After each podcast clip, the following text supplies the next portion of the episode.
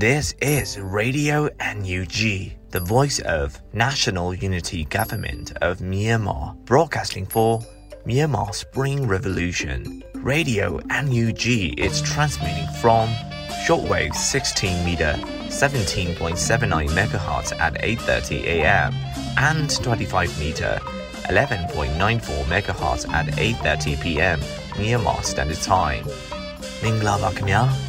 အမျိုးသားညီညွတ်ရေးအစိုးရရဲ့အတန်လွင့်ဌာန Radio NUG ကိုမနက်ပိုင်း၈နာရီခွဲမှာလိုင်းတို16မီတာစက္ကန့်တက်သမ9 MHz ညပိုင်း၈နာရီခွဲမှာလိုင်းတို25မီတာ17တက်သမ6 MHz တို့မှာဓာတ်ရိုက်ဖမ်းယူနိုင်နိုင်ပါပြီမင်္ဂလာအပေါင်းနဲ့ပြည့်စုံကြပါစေအခုချိန်ကစပြီး Radio NUG အစီအစဉ်တွေကိုဓာတ်ရိုက်အတန်လွှင့်ပေးနေပါပြီ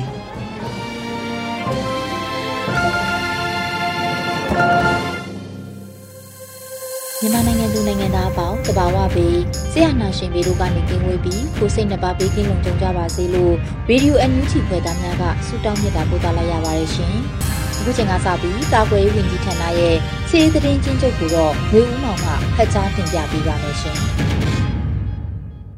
ယခုတင်ဆက်ပေးမှာကတော့ကာကွယ်ရေးဝန်ကြီးဌာနအမျိုးသားညီညွတ်ရေးအစိုးရမှထုတ်ဝေသောနိုင်စင်စီရေးသတင်းအချင်းချုပ်ပဲဖြစ်ပါတယ်။ကျွန်တော်ကတော့ຫນွေဦးမောင်ပါခင်ဗျာ။ နိုင်စင်စီရေးသတင်းအချင်းချုပ်ကိုတင်ဆက်ပေးပါမယ်။စက်ကောင်စီတပ်သားကြဆုံ24ဦးစက်ကောင်စီတပ်သားဒဏ်ရာရစုံစမ်းစေစက်ကောင်စီနဲ့တိုက်ပွဲဖြစ်ပွားမှုသတင်းများကိုတင်ဆက်ပေးပါတော့မယ်။ချင်းပြည်နယ်တွင် မေလ2ရက်နေ့မနက်9:30ခန်းကမင်းတပ်မြို့နယ်မင်းတပ်မတူပီလန်းမိုင်90နဲ့60ကြား စစ်ကောင်စီရင်နှန်း80ကျော်နဲ့ CDF မင်းတပ်တို့တိုက်ပွဲဖြစ်ပွားခဲ့ပြီးစစ်ကောင်စီတပ်သား9ဦးသေဆုံးက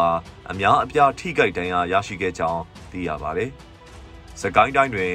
မေလ2ရက်နေ့မနက်4:30ခန်းကကတာမြို့နယ်ကပလိတ်ကျေးရွာအနီးတွင် ကတာမြို့မှလာသောစစ်ကောင်စီတပ်သား80ခန်းကိုပြည်သူ့ကာကွယ်ရေးအဖွဲ့ကတာပါဝင်သော မဟာမိတ်အဖွဲ့တို့မှမိုင်းနှလုံးဆွဲတိုက်ခိုက်ခဲ့ပြီးထိတွေ့တိုက်ပွဲအနည်းငယ်ဖြစ်ပွားခဲ့ပါတယ်။ မေလ2ရက်နေ့မနက်10:30ခန်းကကတာမြို့နယ်မင်္ဂလာဒုက္ခကျေးရွာအနီးတွင်ရောက်ရှိလာသောစစ်ကောင်စီတပ်သားများအားပြည်သူ့ကာကွယ်ရေးအဖွဲ့ကတာနှင့်မဟာမိတ်အဖွဲ့တို့မှစောင့်ကြိုပစ်ခတ်တိုက်ခိုက်ခဲ့ရာစစ်ကောင်စီဘက်မှလက်နက်ကြီးများဖြင့်ပစ်ခတ်ခဲ့ပြီးလိုက်လံပစ်ခတ်စဉ်မိမိတို့ဘက်မှမိုင်းလေးလုံးဆွဲထပ်မံတိုက်ခိုက်ခဲ့သည်စစ်ကောင်စီတပ်သားများထိကြိုက်ဒဏ်ရာရရှိခဲ့ပြီးပြည်သူ့ကာကွယ်ရေးရဲဘော်များထိကြိုက်မှုမရှိစုခွာနိုင်ခဲ့ပါတယ် မေလ2ရက်နေ့နေ့လယ်3နာရီခန့်ကကလေးမြို့နယ်အုံးမြေတူကျေးရွာတွင်စစ်ကောင်စီတပ်သား80ခန့်ကိုပြည်သူ့ကာကွယ်ရေးအဖွဲ့ကလေးတရင်8 910ပြည်သူ့ကာကွယ်ရေးတပ်မတော်ကလေးခရိုင်တရင်4 CDF KKG တို့မှအဝေးပြစ်လက်နက်များဖြင့်ပစ်ခတ်တိုက်ခိုက်ခဲ့သည်မေလ၁ရက်နေ့ညနေ6နာရီခန့်ကမင်းကင်းမြို့နယ်ကြော်ကျေးရွာရှိစစ်ကောင်စီတပ်သားအင်အား80ခန်းနဲ့ TDPDF တို့တိုက်ပွဲဖြစ်ပွားခဲ့သည် မေလ၁ရက်နေ့နေ့လယ်3နာရီခန့်ကချောင်းဦးမြို့နယ်အင်းမကျေးရွာအနီးတွင်ကြည်ကုန်းကျေးရွာမှတပယ်အင်းကျေးရွာသို့လာသောစစ်ကောင်စီတပ်သားနှင့်ပြူစောထီးများအားဒေသခံကာကွယ်ရေးအဖွဲ့မှမိုင်းဆွဲတက်ခတ်ခဲ့ရာစစ်ကောင်စီတပ်သားများသေဆုံးမှုရှိခဲ့သည်မကွေးတိုင်းတွင် မေလ2ရက်နေ့မနက်6:30ခန်းကမင်းဘူးမြို့နယ်မင်းကူစကုကားလမ်းမပေါ်ရှိတိုးဂိတ်အနီးတွင်ပြည်သူများစီမှ စက်ကြေးကောက်ငွေညစ်တောင်းခံနေသည့်စစ်ကောင်စီလက်အောက်ခံရဲများကိုမင်းဘူးစကုပြည်သူ့ကာကွယ်ရေးတပ်မတော် MSPDF မှအင်အားပြင်းအဝေးထိန်မိုင်းနှလုံးဖြင့်တိုက်ခိုက်ခဲ့ပြီးစစ်ကောင်စီများထိခိုက်ဒေဆုံးမှုအခြေအနေကိုစုံစမ်းနေဆဲဖြစ်သည်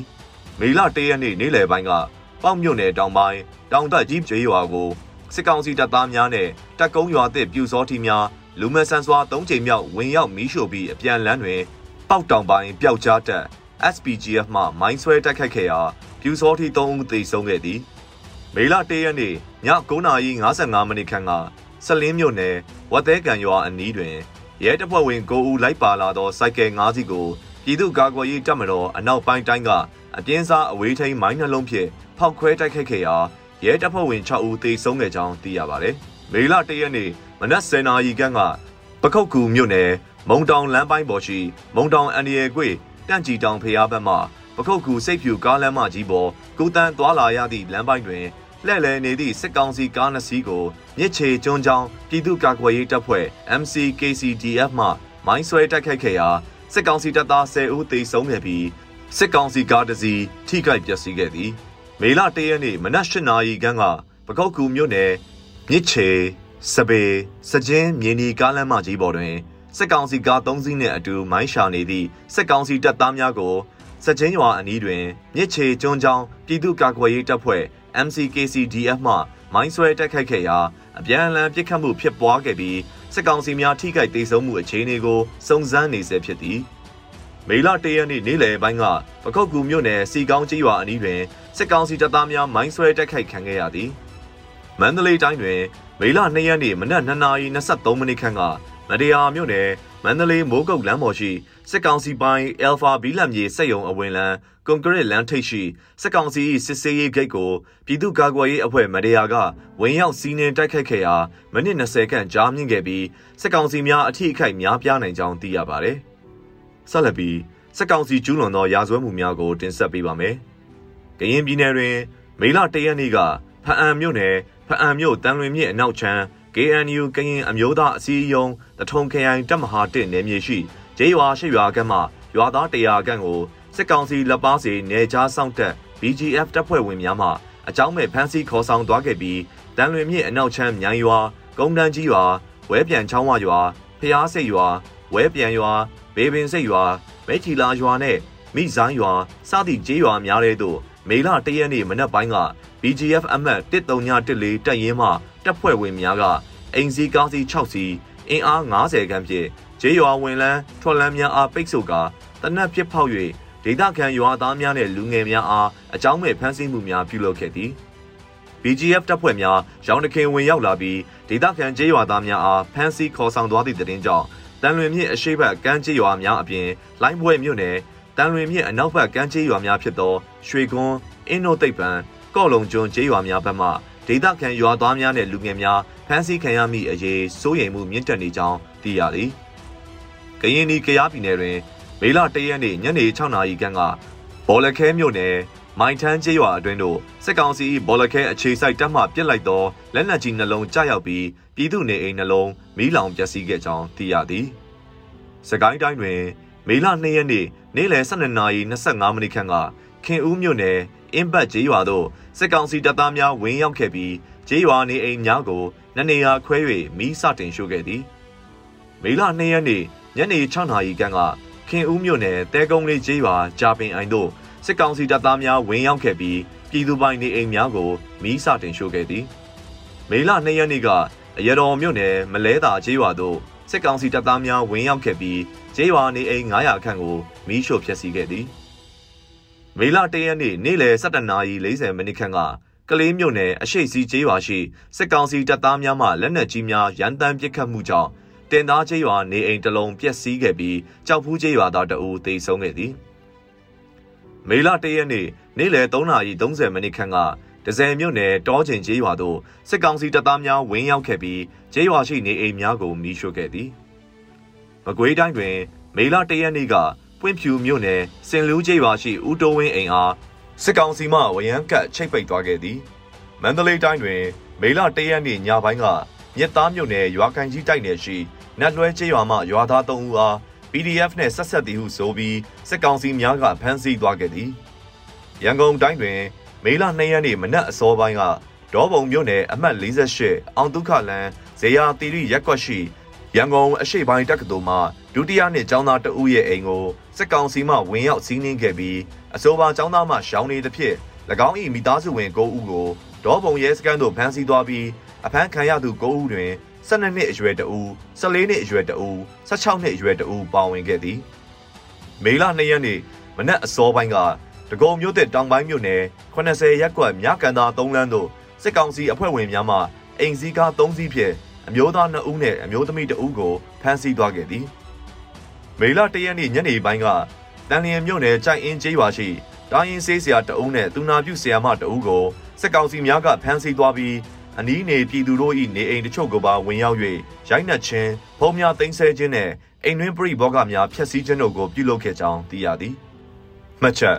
ရေပြင်သတင်းတာဝန်ခံများနဲ့သတင်းဌာနများမှဖော်ပြလာသောအချက်အလက်များအပေါ်အခြေခံပြုစုထားသည်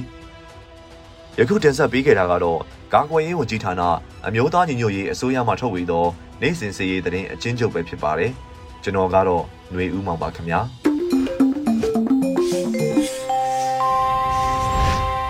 ရေဒီယိုအန်ယူဂျီရဲ့မနက်ခင်းစီစဉ်တွေကိုဆက်လက်တင်ပြနေပါတယ်။အခုတခါနောက်ဆုံးရသတင်းများကိုတော့ຫນွေဦးမိုင်မှဖတ်ကြားတင်ပြပေးပါမယ်ရှင်။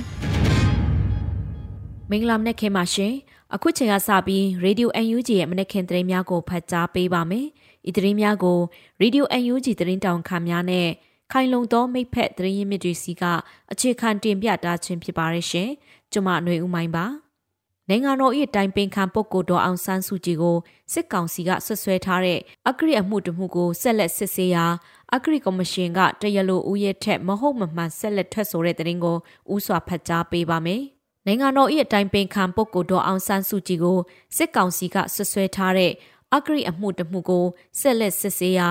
အဂရိကော်မရှင်ကတရလိုဦးရဲ့ထက်မဟုတ်မမှန်ဆက်လက်ထွက်ဆိုခဲ့တယ်လို့သိရရှိပါရယ်။မေလ2ရက်နေပြည်တော်ရှိ အထူးတရားရုံးတွင်နိုင်ငံတော်၏အတိုင်ပင်ခံပုဂ္ဂိုလ်တော်အောင်ဆန်းစုကြည်ကိုစစ်ကောင်စီကဆွဆွဲထားသော အမှုအမှတ်စဉ် CRT 3မြင်းဆောင်2023နဲ့4မြင်းဆောင်2023တို့ကိုကြားနာစစ်ဆေးခဲ့လို့တရားရုံးအတိုင်းဝိုင်းကသိရပါဗျ။ အဆိုပါအမှုမှာစစ်ကောင်စီရဲ့အဂရိကော်မရှင်ကတရက်လိုဦးရဲထက်လာရောက်ထွက်ဆိုခဲ့တယ်လို့သိရပါဗျ။ပြီးခဲ့တဲ့ရက်ကလည်းရန်ကုန်တိုင်းဝန်ကြီးချုပ်ခေါင်းကရွှေနဲ့ဒေါ်လာများပေးရတယ်လို့ဆိုကာအဂရိပုံမှန်55နဲ့နိုင်ငံတော်အတိုင်ပင်ခံပုဂ္ဂိုလ်တော်အောင်ဆန်းစုကြည်ကိုပြစ်ဒဏ်9နှစ်ချမှတ်ခဲ့ပါသေးတယ်ရှင်။ဆက်လက်ပြီးနိုင်ငံတော်၏အတိုင်ပင်ခံပုဂ္ဂိုလ်တော်အောင်ဆန်းစုကြည်နဲ့ပတ်သက်သောအခြေအမြစ်မရှိသည့် တရားစီရင်မှုအပေါ်အမျိုးသားရင်ငွေရေးအစိုးရတရားရေးဝန်ကြီးဌာနကရှုတ်ချတဲ့သတင်းကိုဖတ်ကြားပေးပါမယ်။နိုင်ငံတော်၏အတိုင်ပင်ခံပုဂ္ဂိုလ်တော်အောင်ဆန်းစုကြည်နှင့်ပတ်သက်သောအခြေအမြစ်မရှိသည့်တရားစီရင်မှုအပေါ်အမျိုးသားညီညွတ်ရေးအစိုးရတရားရေးဝန်ကြီးဌာနကရှုတ်ချလိုက်ပါတယ်။မေလ2ရက်နေ့မှာအမျိုးသားညီညွတ်ရေးအစိုးရတရားရေးဝန်ကြီးဌာနကထုတ်ပြန်လိုက်ပါတယ်။ဆွတ်ဆွဲခံရသူဖက်မှ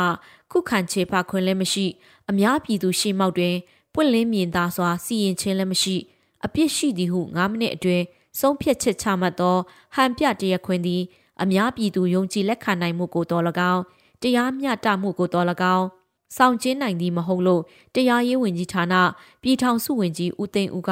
နိုင်ငံတော်၏အတိုင်ပင်ခံပုဂ္ဂိုလ်တော်အောင်ဆန်းစုကြည်ပေါ်စစ်ကောင်စီကမဟုတ်မမှန်တရားစီမှုနဲ့ပတ်သက်၍ပြောကြားလိုက်ပါတယ်။ယခုကဲ့သို့ ဝါရဖြန့်ဟန်ပြတေခွင်သည်အကြမ်းဖက်စစ်ကောင်စီ၏သဘောထားနှစ်ခုကိုပုံမပေါ်လွန်စေပါတယ်။ပထမတစ်ချက်၎င်းတို့အနေဖြင့်မြန်မာပြည်သူများအပေါ်မလျော်ကန်စွာတက်ရောက်စေသည့်တရားစီရင်ရဲ့အတူရောင်ကို အရှက်သိက်ခါကင်းမဲ့စွာအတုံးချရန်ဝင်မလေးပေဒုတိယတစ်ချက်အနေဖြင့်ဒီမိုကရေစီကိုကာကွယ်ဆောင်ရှောက်သူဒေါ်အောင်ဆန်းစုကြည်ပုံရိပ်ကိုကြောက်ရွံ့နေသေးခြင်းတို့မှာတိတာထင်ရှားပေတယ်လို့ဖော်ပြပါရယ် အများပြည်သူယုံကြည်လေးစားရသူနိုင်ငံတော်၏အတိုင်ပင်ခံပုဂ္ဂိုလ်တော်အောင်ဆန်းစုကြည်သည်ဒေါ်လာ6သိန်းတန်ဖိုးရှိရွှေချောင်းများကိုလက်ပေးလက်ယူပြုတ်မှုခဲ့သည့်တစ်တင်များရှိသည်ဟုစစ်ကောင်စီကတရားခွင်တွင်မဟုတ်မမှန်လိမ့်လေပြောကြားခဲ့ပါတယ်။နေအိမ်အကျယ်ချုပ်နဲ့ထောင်သွင်းအကျဉ်းချခံရခြင်းများဖြင့်သူမဘဝတလျှောက်မြန်မာပြည်သူလူထုလွတ်လပ်ရန်တစိမ့်မတ်မတ်စ조사ခဲ့သောဒေါ်အောင်ဆန်းစုကြည်အားယခုကဲ့သို့ဆွဆွဲချက်များသည်အခြေအမြင့်မရှိကြောင်းသိသာစေပါရယ်။ ဒေါ်အောင်ဆန်းစုကြည်ကိုယ်တိုင်ကလည်းဆွဆွဲချက်များအခြေအမြင့်မရှိကြောင်းပြောဆိုပေးချခဲ့တယ်။အခုအပတ်တွင်မှာချမှတ်သောအတူရောင်တရားခွင်သည်စစ်ကောင်စီအနေဖြင့်လူထုခေါင်းဆောင်အပေါ်စီရင်နေသောမလျော်ကန်သည့်တရားခွင်များနဲ့မှလက်တလောနောက်ဆုံးတရားခွင်တစ်ခုပင်ဖြစ်ပေတယ်လို့တရားရေးဝန်ကြီးဌာနကဆိုပါတယ် အသစ်ပြန်လည်တည်ဆောက်မိမြန်မာနိုင်ငံတော်ကြီးတွင်ဒီမိုကရေစီစနစ်ပြန်လည်ဆောင်ကျင်း၍လွတ်လပ်ပြီးတရားမျှတသောတရားစီရင်ရေးစနစ်ကိုဖော်ဆောင်ပြီးယခုကဲ့သို့ရုံမှရက်ဆက်သောမတရားမှုများကိုအဆုံးသတ်မိဟုတရားရေးဝန်ကြီးဦးသိန်းဦးကကြေညာလိုက်ပါရရှင်။ဆက်လက်ပြီး15ကြိမ်မြောက်ကပတတော်ဆိုင်ရာညီလာခံသို့စစ်ကောင်စီတရက်ခွင့်မရတဲ့သတင်းကိုဖတ်ကြားပါမယ်။ 15ကြိမ်မြောက်ကပတတော်ဆိုင်ရာညီလာခံသို့စစ်ကောင်စီတရက်ခွင့်မရဘူးလို့သတင်းရရှိပါရယ်။စစ်ကောင်စီလက်အောက်ခံတရားဇာရနဲ့တဘာဝပတ်ဝန်းကျင်ထိန်းသိမ်းရေးဝန်ကြီးဌာနမှဝန်ကြီးနဲ့ကိုယ်စားလှယ်အဖွဲ့တက်ရောက်ခွင့်မရခဲ့ကြောင်းကိုမေလ2ရက်နေ့မှာအမျိုးသားညီညွတ်ရေးအစိုးရကအသိပေးထုတ်ပြန်ပါတယ်။2022ခုနှစ်မေလ2ရက်နေ့မှ6ရက်နေ့အထိတောင်ကိုရီးယားနိုင်ငံဆိုးလ်မြို့တွင်ကျင်းပလက်ရှိသော15ကြိမ်မြောက်ကမ္ဘာတတော်ဆိုင်ရာညီလာခံ XV World Forestry Congress XVWFC တို့စစ်ကောင်စီလက်အောက်ခံတယံဇာရနဲ့တဘာဝပတ်ဝန်းကျင်ထိန်းသိမ်းဝင်ကြီးဌာနမှဝင်ကြီးနဲ့ကိုရီးယားကိုဖိတ်ကြားထားကြောင်းသိရှိခဲ့ရပြီးတက်ရောက်ခွင့်မရစေရန်အမျိုးသားညီညွတ်ရေးအစိုးရတယံဇာရနဲ့တဘာဝပတ်ဝန်းကျင်ထိန်းသိမ်းဝင်ကြီးဌာနမှစ조사ခဲ့တာလို့ဖော်ပြပါရယ်ရလာအဖြစ်စစ်ကောင်စီလက်အောက်ခံတယံဇာရနဲ့တဘာဝပတ်ဝန်းကျင်ထိန်းသိမ်းရေးဝင်ကြီးဌာနတို့ပေးပို့ထားသည့်ဖိတ်ကြားလွှာအား တောင်ကိုရီးယားတပ်တော်ဌာန Korea Forest Service KFC မှပြန်လည်ရုပ်သိမ်းခဲ့ပြီးစစ်ကောင်စီလက်အောက်ခံတရားဇာရနဲ့တဘာဝပတ်ဝန်းကျင်ထိန်းသိမ်းရေးဝန်ကြီးဌာနမှဝန်ကြီးနဲ့ကိုယ်စားလှယ်အဖွဲ့တက်ရောက်ခွင့်မရခဲ့ကြောင်းသိရှိရပါတယ်။စစ်ကောင်စီလက်အောက်ခံတရားဇာရနဲ့တဘာဝပတ်ဝန်းကျင်ထိန်းသိမ်းရေးဝန်ကြီးဌာနနဲ့တောင်ကိုရီးယားတစ်တော်ဌာနတို့အကြားပူးပေါင်းဆောင်ရွက်မှုများဆက်လက်ရှိနေသေးသဖြင့်တောင်ကိုရီးယားတစ်တော်ဌာနနဲ့စစ်ဆက်အဖွဲ့အစည်းများမှ စစ်ကောင်စီလက်အောက်ခံတယံဇာရနဲ့တဘာဝပတ်ဝန်းကျင်ထိန်းသိမ်းရေးဝန်ကြီးဌာနနဲ့ဆက်လက်ပူးပေါင်းဆောင်ရွက်ခြင်းမပြုရန်တယံဇာရနဲ့တဘာဝပတ်ဝန်းကျင်ဆိုင်ရာနယ်ပယ်များတွင်အမျိုးသားညီညွတ်ရေးအစိုးရနှင့်သာပူးပေါင်းဆောင်ရွက်သွားရန်တောင်းဆိုချက်အားအမျိုးသားညီညွတ်ရေးအစိုးရ၏ကိုရီးယားသမ္မတနိုင်ငံဆိုင်ရာမြန်မာကိုယ်စားလှယ်အဖွဲ့ဦးဆောင်သောကိုရီးယားနိုင်ငံရှိအဖွဲ့အစည်း34ဖွဲ့နဲ့ပူးပေါင်းဆောင်ရွက်ခဲ့တယ်လို့တယံဇာရနဲ့တဘာဝပတ်ဝန်းကျင်ထိန်းသိမ်းရေးဝန်ကြီးဌာန အမျိုးသားညီညွတ်ရေးအစိုးရကထုတ်ပြန်ထားပါတယ်ရှင်။ဆက်လက်ပြီးလွတ်မြောက်နေမြေဒေသတစ်ခုတွင်မြေပြင် FOEIM School စတင်ဖွင့်လှစ်တဲ့သတင်းကိုဖတ်ကြားပါမယ်။လွတ်မြောက်နေမြေဒေသတစ်ခုတွင်မြေပြင် FOEIM School စတင်ဖွင့်လှစ်ခဲ့တယ်လို့သတင်းရရှိပါရယ်။မေလ2ရက်2022တွင်လွတ်မြောက်နေမြေတစ်ခုတွင် FOEIM နှင့် ဒေတာခံပြည်သူများနဲ့ပူးပေါင်းက FOEIM School ဟုခေါ်သောဒေတာခံပြည်သူများကိုယ်တိုင်လွတ်လပ်စွာအုပ်ချုပ်သောဖက်ဒရယ်လမ်းစဉ်နဲ့ညီပြည်သူ့ကျောင်းတစ်ကျောင်းကိုမြေပြင်တွင်စတင်ဖွင့်လှစ်ခဲ့တယ်လို့သိရပါတယ်။ထိုဒေသတွင်ကျောင်းသားဦးရေ100နီးပါးကိုစတင်ကအခမဲ့စင်ဆက်မပြတ်ပညာရေးပေးနေပြီးတင်ကြားရေးတွေလိုအပ်သောစာအုပ်များဖတ်စာအုပ်များစာရေးကိရိယာများကိုလည်းအခမဲ့ပေးခဲ့လို့သိရပါတယ်။ လက်ရှိတွင်အမျိုးသားညီညွတ်ရေးအစိုးရရဲ့ထိန်းချုပ်နေမြေမြို့နယ်38မြို့နယ်ရှိပြီးစကိုင်းတိုင်းတွင်ထိန်းချုပ်နေမြေ9မြို့နယ်ကိုကနအူးအဖြစ်ကြားကာလအစီအစဉ်များပညာရေးကျန်းမာရေးအုပ်ချုပ်ရေးတရားဥပဒေစိုးမိုးရေးလုပ်ငန်းများစတင်ဆောင်ရွက်နေပြီလို့လည်းသိရပါတယ်ရှင်။ဆက်လက်ပြီးမြန်မာနိုင်ငံတောင်ပိုင်းရှိရဲတခွန်စီမံကိန်းတွင်ပါဝင်လှည့်ရှိတဲ့ဂျပန်စွမ်းအင်ကုမ္ပဏီ ENEOS ကမြန်မာနိုင်ငံကထွက်ခွာမဲ့တဲ့ရင်ကိုဖတ်ကြားပေးပါမယ်။မြန်မာနိုင်ငံတောင်ပိုင်းရှိရဲတခွန်စီမံကိန်းတွင်ပါဝင်လှည့်ရှိတဲ့ဂျပန်စွမ်းအင်ကုမ္ပဏီ ENEOS ကမြန်မာနိုင်ငံကထွက်ခွာမယ်လို့မေလ2ရက်နေ့မှာကြေညာလိုက်ပါတယ်။ဂျပန်စွမ်းအင်ကုမ္ပဏီကြီးဖြစ်တဲ့ ENEOS က၎င်းရဲ့လုပ်ဖော်ခိုင်ဖက်မလေးရှားက Petronas နဲ့ ထိုင်းက PTT ကုမ္ပဏီတို့ရဲ့ရဲတခွန်စီမံကိန်းကထွက်ခွာရာကြေညာပြီးနောက်ယခုလိုကြေညာလိုက်တာဖြစ်ပါတယ်။ JXD လူမှုရေးပြဿနာများနဲ့ရဲတခွန်တန်းငွေတွေများ၏ဤပညာပိုင်းဆိုင်ရာအကဲဖြတ်မှုပေါ်အခြေခံ၍နိုင်ငံ၏လက်ရှိအခြေအနေကိုထည့်သွင်းစဉ်းစားပြီးနောက်နှုတ်ထွက်ရန်ဆုံးဖြတ်ခဲ့သည်ဟု ENEOS ၏ထုတ်ပြန်ချက်တွင်ဖော်ပြထားပါတယ်။ စစ်ကောင်စီကအာဏာသိမ်းယူပြီးနောက်နိုင်ငံတွင်လူအခွင့်အရေးချိုးဖောက်မှုများကြောင့်အမေရိကန်စွမ်းအင်ကုမ္ပဏီ Chevron နဲ့ပြင်သစ် Total ကုမ္ပဏီများမှရနာစီမံကိန်းမှနှုတ်ထွက်ရန်2022ခုနှစ်ဇန်နဝါရီလ22ရက်နေ့တွင်ဆုံးဖြတ်ခဲ့ပါတယ်ရှင်။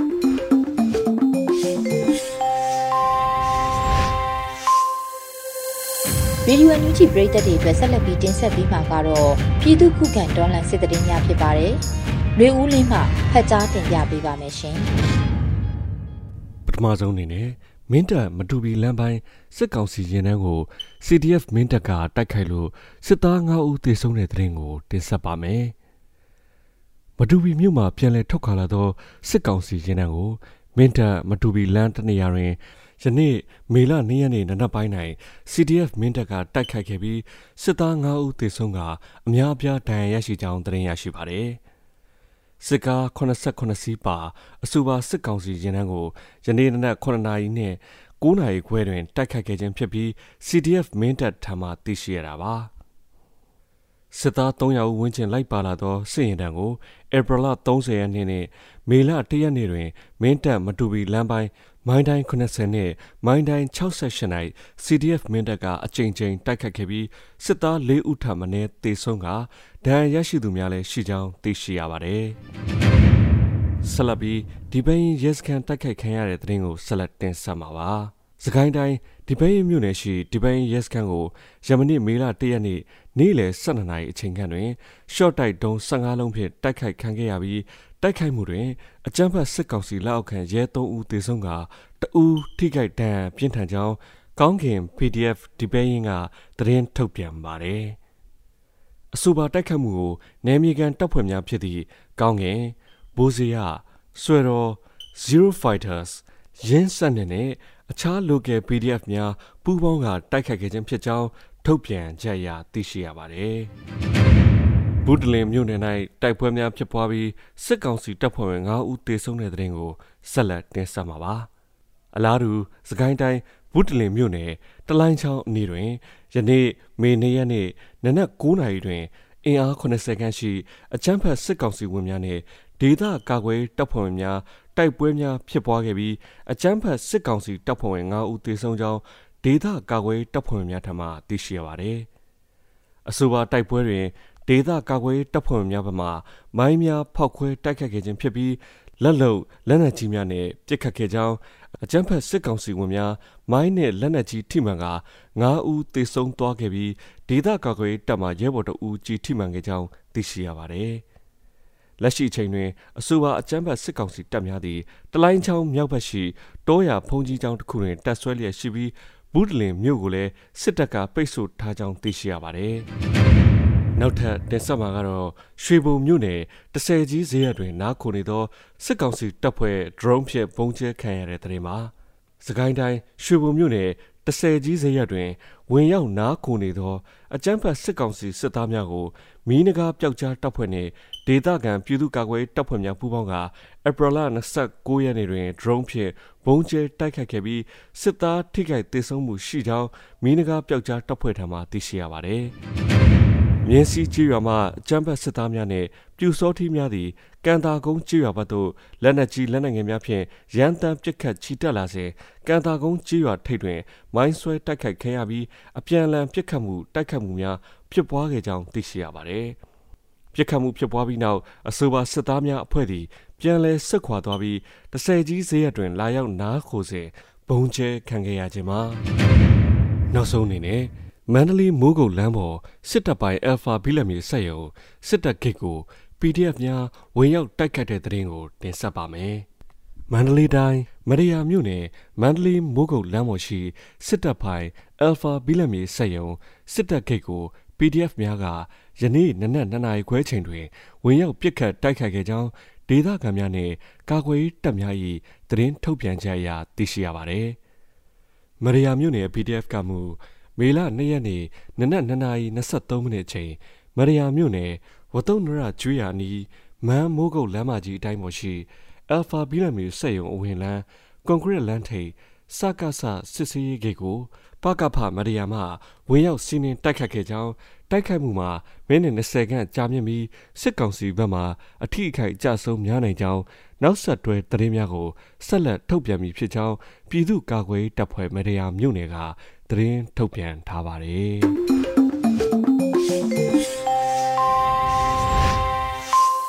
အခုဆက်လက်ပြီး PPTV ရဲ့နေ့စဉ်သတင်းများကိုတော့ထက်ထက်အင်္ဂရာမှဖတ်ကြားတင်ပြပေးပါမယ်ရှင်။ပထမဆုံးတင်ဆက်ပေးမှာကတော့ပြည်내အုပ်ချုပ်ရေးအဖွဲ့တွေနဲ့မဟာမိတ်ဆက်ဆံရေးတိစောက်ထားပြီးအားလုံးလက်ခံတဲ့မူဝါဒကိုအမျိုးသားညီညွတ်ရေးအစိုးရကကင်ဆယ်ထားတာလို့ပြည်ထရေးဝန်ကြီးဦးလွင်ကိုလက်ပြောကြားလိုက်တဲ့သတင်းမှာ အုပ်ချုပ်ရေးစနစ်တွေတိစောက်တဲ့အခါမှာပြည်내အုပ်ချုပ်ရေးအဖွဲ့တွေနဲ့မဟာမိတ်ဆက်ဆံရေးတိစောက်ထားပြီးအားလုံးလက်ခံတဲ့မူဝါဒကိုအမျိုးသားညီညွတ်ရေးအစိုးရကကင်ဆယ်ထားတယ်လို့ပြည်ထရေးနဲ့လူဝင်မှုကြီးကြပ်ရေးဝန်ကြီးဌာနပြည်ထောင်စုဝန်ကြီးဦးလွင်ကိုလက်ကပြောကြားလိုက်ပါတယ်။ကျွန်တော်တို့ဂျာမှာတိတ်ကြီးမားတဲ့ပြဿနာမရှိပါဘူးမဟာမိတ်ဆက်ဆံရေးလည်းတိစောက်ပြီးပြီး Federal Principle နဲ့ပတ်သက်ပြီးလဲအားလုံးလက်ခံတဲ့မူဝါဒကျွန်တော်တို့မှာရှိထားပြီးဖြစ်ပါတယ် ဒါပေမဲ့အကောင့်ထဲဖော်တဲ့အခါမှာအမြင်မတူတာတွေနားလည်မှုလွဲသွားတာတွေအခုလိုကိစ္စတွေကကျွန်တော်တို့အမှားပဲဖြစ်ပါတယ်အားနည်းချက်ကြောင့်ဖြစ်တာကျွန်တော်တို့လုံလောက်တဲ့သတင်းစကားမပါနိုင်လို့ဒီလိုဖြစ်တယ်လို့လက်ခံကြောင်းပြည်ထောင်စုဝန်ကြီးဦးလွင်ကိုလက်ကပြောပါတယ်ပြည်ထောင်ဝင်ကြီးဌာနကဧပြီလ24ရက်ရက်စွဲနဲ့ထုတ်ပြန်တဲ့အထွေထွေအုပ်ချုပ်ရေးဦးစီးဌာနစီဒီယန်ဝန်ထမ်းများအုပ်ချုပ်မှုကော်မတီအားပြည်သူ့အုပ်ချုပ်ရေးဦးစီးဌာနအဖြစ်ပြောင်းလဲဖွဲ့စည်းခဲ့မှုအပေါ်ကရင်နီပြည်ပြည်ထရေးဌာနကကန့်ကွက်ခဲ့ပါတယ်။ ဒီကိစ္စနဲ့ပတ်သက်ပြီးတော့အခုလိုမှတ်ချက်ပြုပြောကြားလိုက်တာပါ။ဒါအပြင်ကန့်ကွက်မှုနဲ့ပတ်သက်ပြီးတော့ပြည်သူတွေကိုစိတ်မပူကြဖို့အတွက်လည်းပြည်ထောင်စုဝန်ကြီးကပြောကြားထားပါတယ်။ကရင်အမျိုးသားတိုးတက်ရေးပါတီ KNPP နဲ့အမျိုးသားညီညွတ်ရေးအစိုးရအဖွဲ့တို့ကြားဆွေးနွေးမှုတွေပြုလုပ်သွားဖို့ရှိတယ်လို့လည်းသတင်းစကားပါခဲ့ပါသေးတယ်။လက်ရှိမှာစကိုင်းတိုင်းနဲ့မကွေးတိုင်းတို့ရဲ့မြို့နယ်36မြို့နယ်မှာပြည်သူ့အုပ်ချုပ်ရေးစနစ်ဖော်ဆောင်ထားနိုင်ပြီးပဲခူးတိုင်းနဲ့အေရီတိုင်းတို့မှာလည်းဆက်လက်ဖော်ဆောင်နိုင်ဖို့လှုံ့ဆော်နေပါတယ်။ ပြည်ထောင်ရေးနဲ့လူဝင်မှုကြီးကြပ်ရေးဝန်ကြီးဌာနကလက်ရှိမှာဦးစီးဌာန9ခုနဲ့လက်ပတ်နေပြီးတော့စီဒီယန်ဝန်ထမ်း2000ခန့်ရှိတယ်လို့ဆိုထားပါတယ်။ဆက်လက်တင်ဆက်ပေးမှာကတော့အမျိုးသားညီညွတ်ရေးအစိုးရတရားရေးဝန်ကြီးဌာနနဲ့မြို့နယ်18မြို့နယ်ကတရားသူကြီးများတွေ့ဆုံဆွေးနွေးပွဲပြုလုပ်တဲ့ဆိုတဲ့သတင်းမှာ အမျိုးသားညီညွတ်ရေးအစိုးရတရားရေးဝန်ကြီးဌာနနဲ့မြို့နယ်18မြို့နယ်ကမြို့နယ်တရားသူကြီးတွေတွေ့ဆုံပွဲကိုဧပြီလ30ရက်မနက်10:00နာရီမှာပြုလုပ်ခဲ့ရာတရားရေးဝန်ကြီးဌာနပြည်အောင်စုဝန်ကြီးဦးသိန်းဦးကဦးဆောင်တွေ့ဆုံခဲ့ပါတယ်။တော်လန်ရေးအတွက်တာဝန်ယူပေးကြမယ်တရားသူကြီးများနဲ့တွေ့ဆုံခွင့်ရတဲ့အတွက်အထူးပင်ဝမ်းမြောက်ပါကြောင်းနယ်မြေစိုးမိုးမှုရရှိပြီးဒေသတွေမှာတရားဥပဒေစိုးမိုးမှုရရှိရန်အရေးကြီးကြောင်း တရားရုံးများတည်ထောင်ရန်နဲ့တရားသူကြီးအဖွဲ့များဖွဲ့စည်းနိုင်ရန်မှာအခက်အခဲများစွာရှိနိုင်ပေမဲ့စ조사ဆောင်ရွက်သွားမှာဖြစ်ကြောင်းပြည်သူတွေအတွက်တရားမျှတမှုများစောင့်ကျဉ်ပေးရမှာဖြစ်ကြောင်းတရားရေးဝန်ကြီးဌာနပြည်ထောင်စုဝန်ကြီးဦးသိန်းဦးကပြောကြားခဲ့ပါတယ်။တွဲဆောင်ပွဲမှာဂျားကာလာတရားစီရေးဖော်ဆောင်မှုဆိုင်ရာမူဝါဒလုပ်ငန်းစဉ်နဲ့ပတ်သက်ပြီးတော့အတွင်းဝင်ဦးမင်းအောင်ခိုင်ကဆွေးနွေးခဲ့ပါတယ်။ အဲ့ဒီနောက်မှာတရားစီရင်ရေးဖော်ဆောင်မှုနဲ့တရားရုံးများစောင့်ကြည့်ထိန်းညှိရေးဦးစီးဌာနညွှန်ကြားရေးမှူးချုပ်ဦးကောင်းမြတ်သူကတရားစီရင်ရေးဖော်ဆောင်မှုဆိုင်ရာရှေ့ပြေးလုပ်ငန်းစဉ်တွေနဲ့ဆက်လျင်းပြီးတော့အသေးစိတ်ရှင်းလင်းဆွေးနွေးခဲ့ပါတယ်။အစည်းအဝေးမှာတရားသူကြီးအဖွဲ့တွေကဂျားကာလာအတွင်းတရားစီရင်ရေးလုပ်ငန်းစဉ်တွေနဲ့ဆက်လင်းပြီးတော့ရင်းနှီးပွင့်လင်းစာဆွေးနွေးခဲ့ကြတယ်လို့ဖော်ပြထားပါတယ်။အစည်းအဝေးကိုတရားရေးဝန်ကြီးဌာနပြည်ထောင်စုဝန်ကြီးဦးသိန်းဦးအကြံပေးပုဂ္ဂိုလ်ဦးလှိုင်ဘွာအတွင်းဝင်ဦးမင်းအောင်ခိုင် တရားစီရင်ဖော်ဆောင်မှုနဲ့တရားရုံးများစောင့်ကြည့်ထိန်းညှိရေးဦးစီးဌာနညွှန်ကြားရေးမှူးချုပ်ဦးကောင်းမြတ်သူတရားစွဲတဲ့အမှုလိုက်ဦးစီးဌာနညွှန်ကြားရေးမှူးချုပ်ဦးရင်ကြီးအောင်ဒုတိယအတွင်းဝင်ဦးမျိုးအောင်ပြည်ထောင်နဲ့လူဝင်မှုကြီးကြပ်ရေးဝန်ကြီးဌာနတာဝန်ရှိသူတွေနဲ့မြို့နယ်18မြို့နယ်မှာရှိတဲ့မြို့နယ်တရားသူကြီးအဖွဲ့ဝင်တွေတက်ရောက်ခဲ့ကြပါတယ် အခုတင်ဆက်ပေးမှာကတော့စကိုင်းတိုင်းတွင်းကမိဘေးသင့်ပြည်သူတွေကိုအမျိုးသားညီညွတ်ရေးအစိုးရကကုညီထောက်ပံ့မှုတွေပြုလုပ်နေတဲ့ဆိုတဲ့သတင်းပါစကိုင်းတိုင်းတွင်းကအကြမ်းဖက်စစ်တပ်ရဲ့မိရှုဖျက်ဆီးမှုတွေခံခဲ့ရတဲ့ကြေးရွာတွေကမိဘေးသင့်ပြည်သူတွေကိုအမျိုးသားညီညွတ်ရေးအစိုးရကကုညီထောက်ပံ့မှုတွေပြုလုပ်နေတာပါပြည်တွင်းပြည်ပအလှူရှင်တွေရဲ့ပူးပေါင်းကူညီမှုနဲ့စကိုင်းတိုင်းအတွင်းကမိဘတင်ပြည်သူတွေကိုကူညီဆောင်ရွက်ပေးနေကြောင်းအမျိုးသမီးလူငယ်နဲ့ကလေးတငယ်ရာဝန်ကြီးဌာနကသတင်းထုတ်ပြန်ထားတာပါ။ အကြမ်းဖက်စစ်တပ်ရဲ့မီးရှို့ဖျက်ဆီးမှုကြောင့်နေအိမ်တွေဆုံးရှုံးခဲ့ရတဲ့ပြည်သူတွေအတွက်အလှငွေပေးကြတဲ့အလှရှင်တွေကိုအမျိုးသမီးလူငယ်နဲ့ကလေးတငယ်ရာဝင်ကြီးဌာနအနေနဲ့အထူးကျေးဇူးတင်ရှိတယ်ဆိုပြီးတော့လဲထုတ်ပြန်ထားတာကိုတွေ့ရပါတယ်။ဆလတ်တင်ဆက်ပေးမှာကတော့ဂျာကာလာပညာရေးအစီအစဉ်ရကာလာတို့တင်ကြားရေးအစီအစဉ်ကိုပညာရေးဝန်ကြီးဌာနကထုတ်ပြန်လိုက်တဲ့ဆိုတဲ့သတင်းမှာ ဂျာကာလာပညာရေးအစီအစဉ်ရအကောင့်ထဲဖော်ဆောင်နေတဲ့ကာလာတို့တင်ကြားရေးအစီအစဉ်ကိုအမျိုးသားညီညွတ်ရေးအစိုးရပညာရေးဝန်ကြီးဌာနကထုတ်ပြန်လိုက်ပါတယ်။ကာလာတို့တင်ကြားရေးအစီအစဉ်ကိုចောင်းသားလူငယ်တွေစဉ်ဆက်မပြတ်တင်ယူနိုင်ရေးအတွက်လှုံ့ဆော်နေတာဖြစ်ပြီးတော့မေလ17ရက်မှာစတင်မဲ့3လကနေ9လအကြာကြာမြင့်မဲ့တင်နန်းကလုပ်ငန်းဝင်သုံးအင်္ဂလိပ်ဘာသာစကားဖြစ်တယ်လို့ဖော်ပြထားပါတယ်။ တင်ကြားမဲ့ပုံစံကတော့ Facebook Close Group နဲ့ Zoom ဖြစ်ပြီးတော့လူဦးရေ90သားလက်ခံမယ်လို့ဆိုထားပါတယ်။တင်နန်းဖောင်ပေးမဲ့ရက်ကတော့မေလ9ရက်ညနေ6နာရီဖြစ်တယ်လို့သိရပါတယ်။တက်ရောက်လိုသူတွေအနေနဲ့အမျိုးသားညီညွတ်ရေးအစိုးရပြည်ထောင်ရေးဝန်ကြီးဌာန Facebook Page မှာဝင်ရောက်ကြည့်ရှုဆက်သွယ်နိုင်ပါတယ်။ဒီကနေ့ကတော့ဒီညနေပဲ Radio NUG ရဲ့အစည်းအဝေးတွေကိုခਿੱတရရနိုင်လိုက်ပါမယ်။မြန်မာစံတော်ချိန်မနက်၈နာရီခွဲနဲ့ည၈နာရီခွဲအချိန်တွေမှာ ပြန်လည်ဆုံးဖြတ်ကြပါစို့ Radio NUG ကိုမနက်ပိုင်း၈နာရီခွဲမှာလိုင်းဒို16မီတာစက္ကန့်တသမ9 MHz ညပိုင်း၈နာရီခွဲမှာလိုင်းဒို25မီတာ17သမ6 MHz တို့မှာဓာတ်ရိုက်ဖမ်းယူနိုင်နိုင်ပါပြီမြန်မာနိုင်ငံသူနိုင်ငံသားများကိုစိတ်နှပြကျမ်းမာချမ်းသာလို့ဘေးကင်းလုံခြုံကြပါစေလို့ Radio NUG အဖွဲ့သူအဖွဲ့သားများကဆုတောင်းလိုက်ရပါတယ်။အမျိုးသားညီညွတ်ရေးအစိုးရရဲ့စက်သွေးရေးတရင်အချက်အလက်နဲ့ဤပညာဝန်ကြီးဌာနကထုတ်လွှင့်နေတဲ့ Radio NUG ဖြစ်ပါတယ်။ San Francisco Bay Area အခြေစိုက်မြန်မာမိသားစုများနဲ့နိုင်ငံတကာကစေတနာရှင်များလှုပ်အားပေးများရဲ့ Radio NUG ဖြစ်ပါတယ်။အရေးတော်ပုံအောင်ရမည်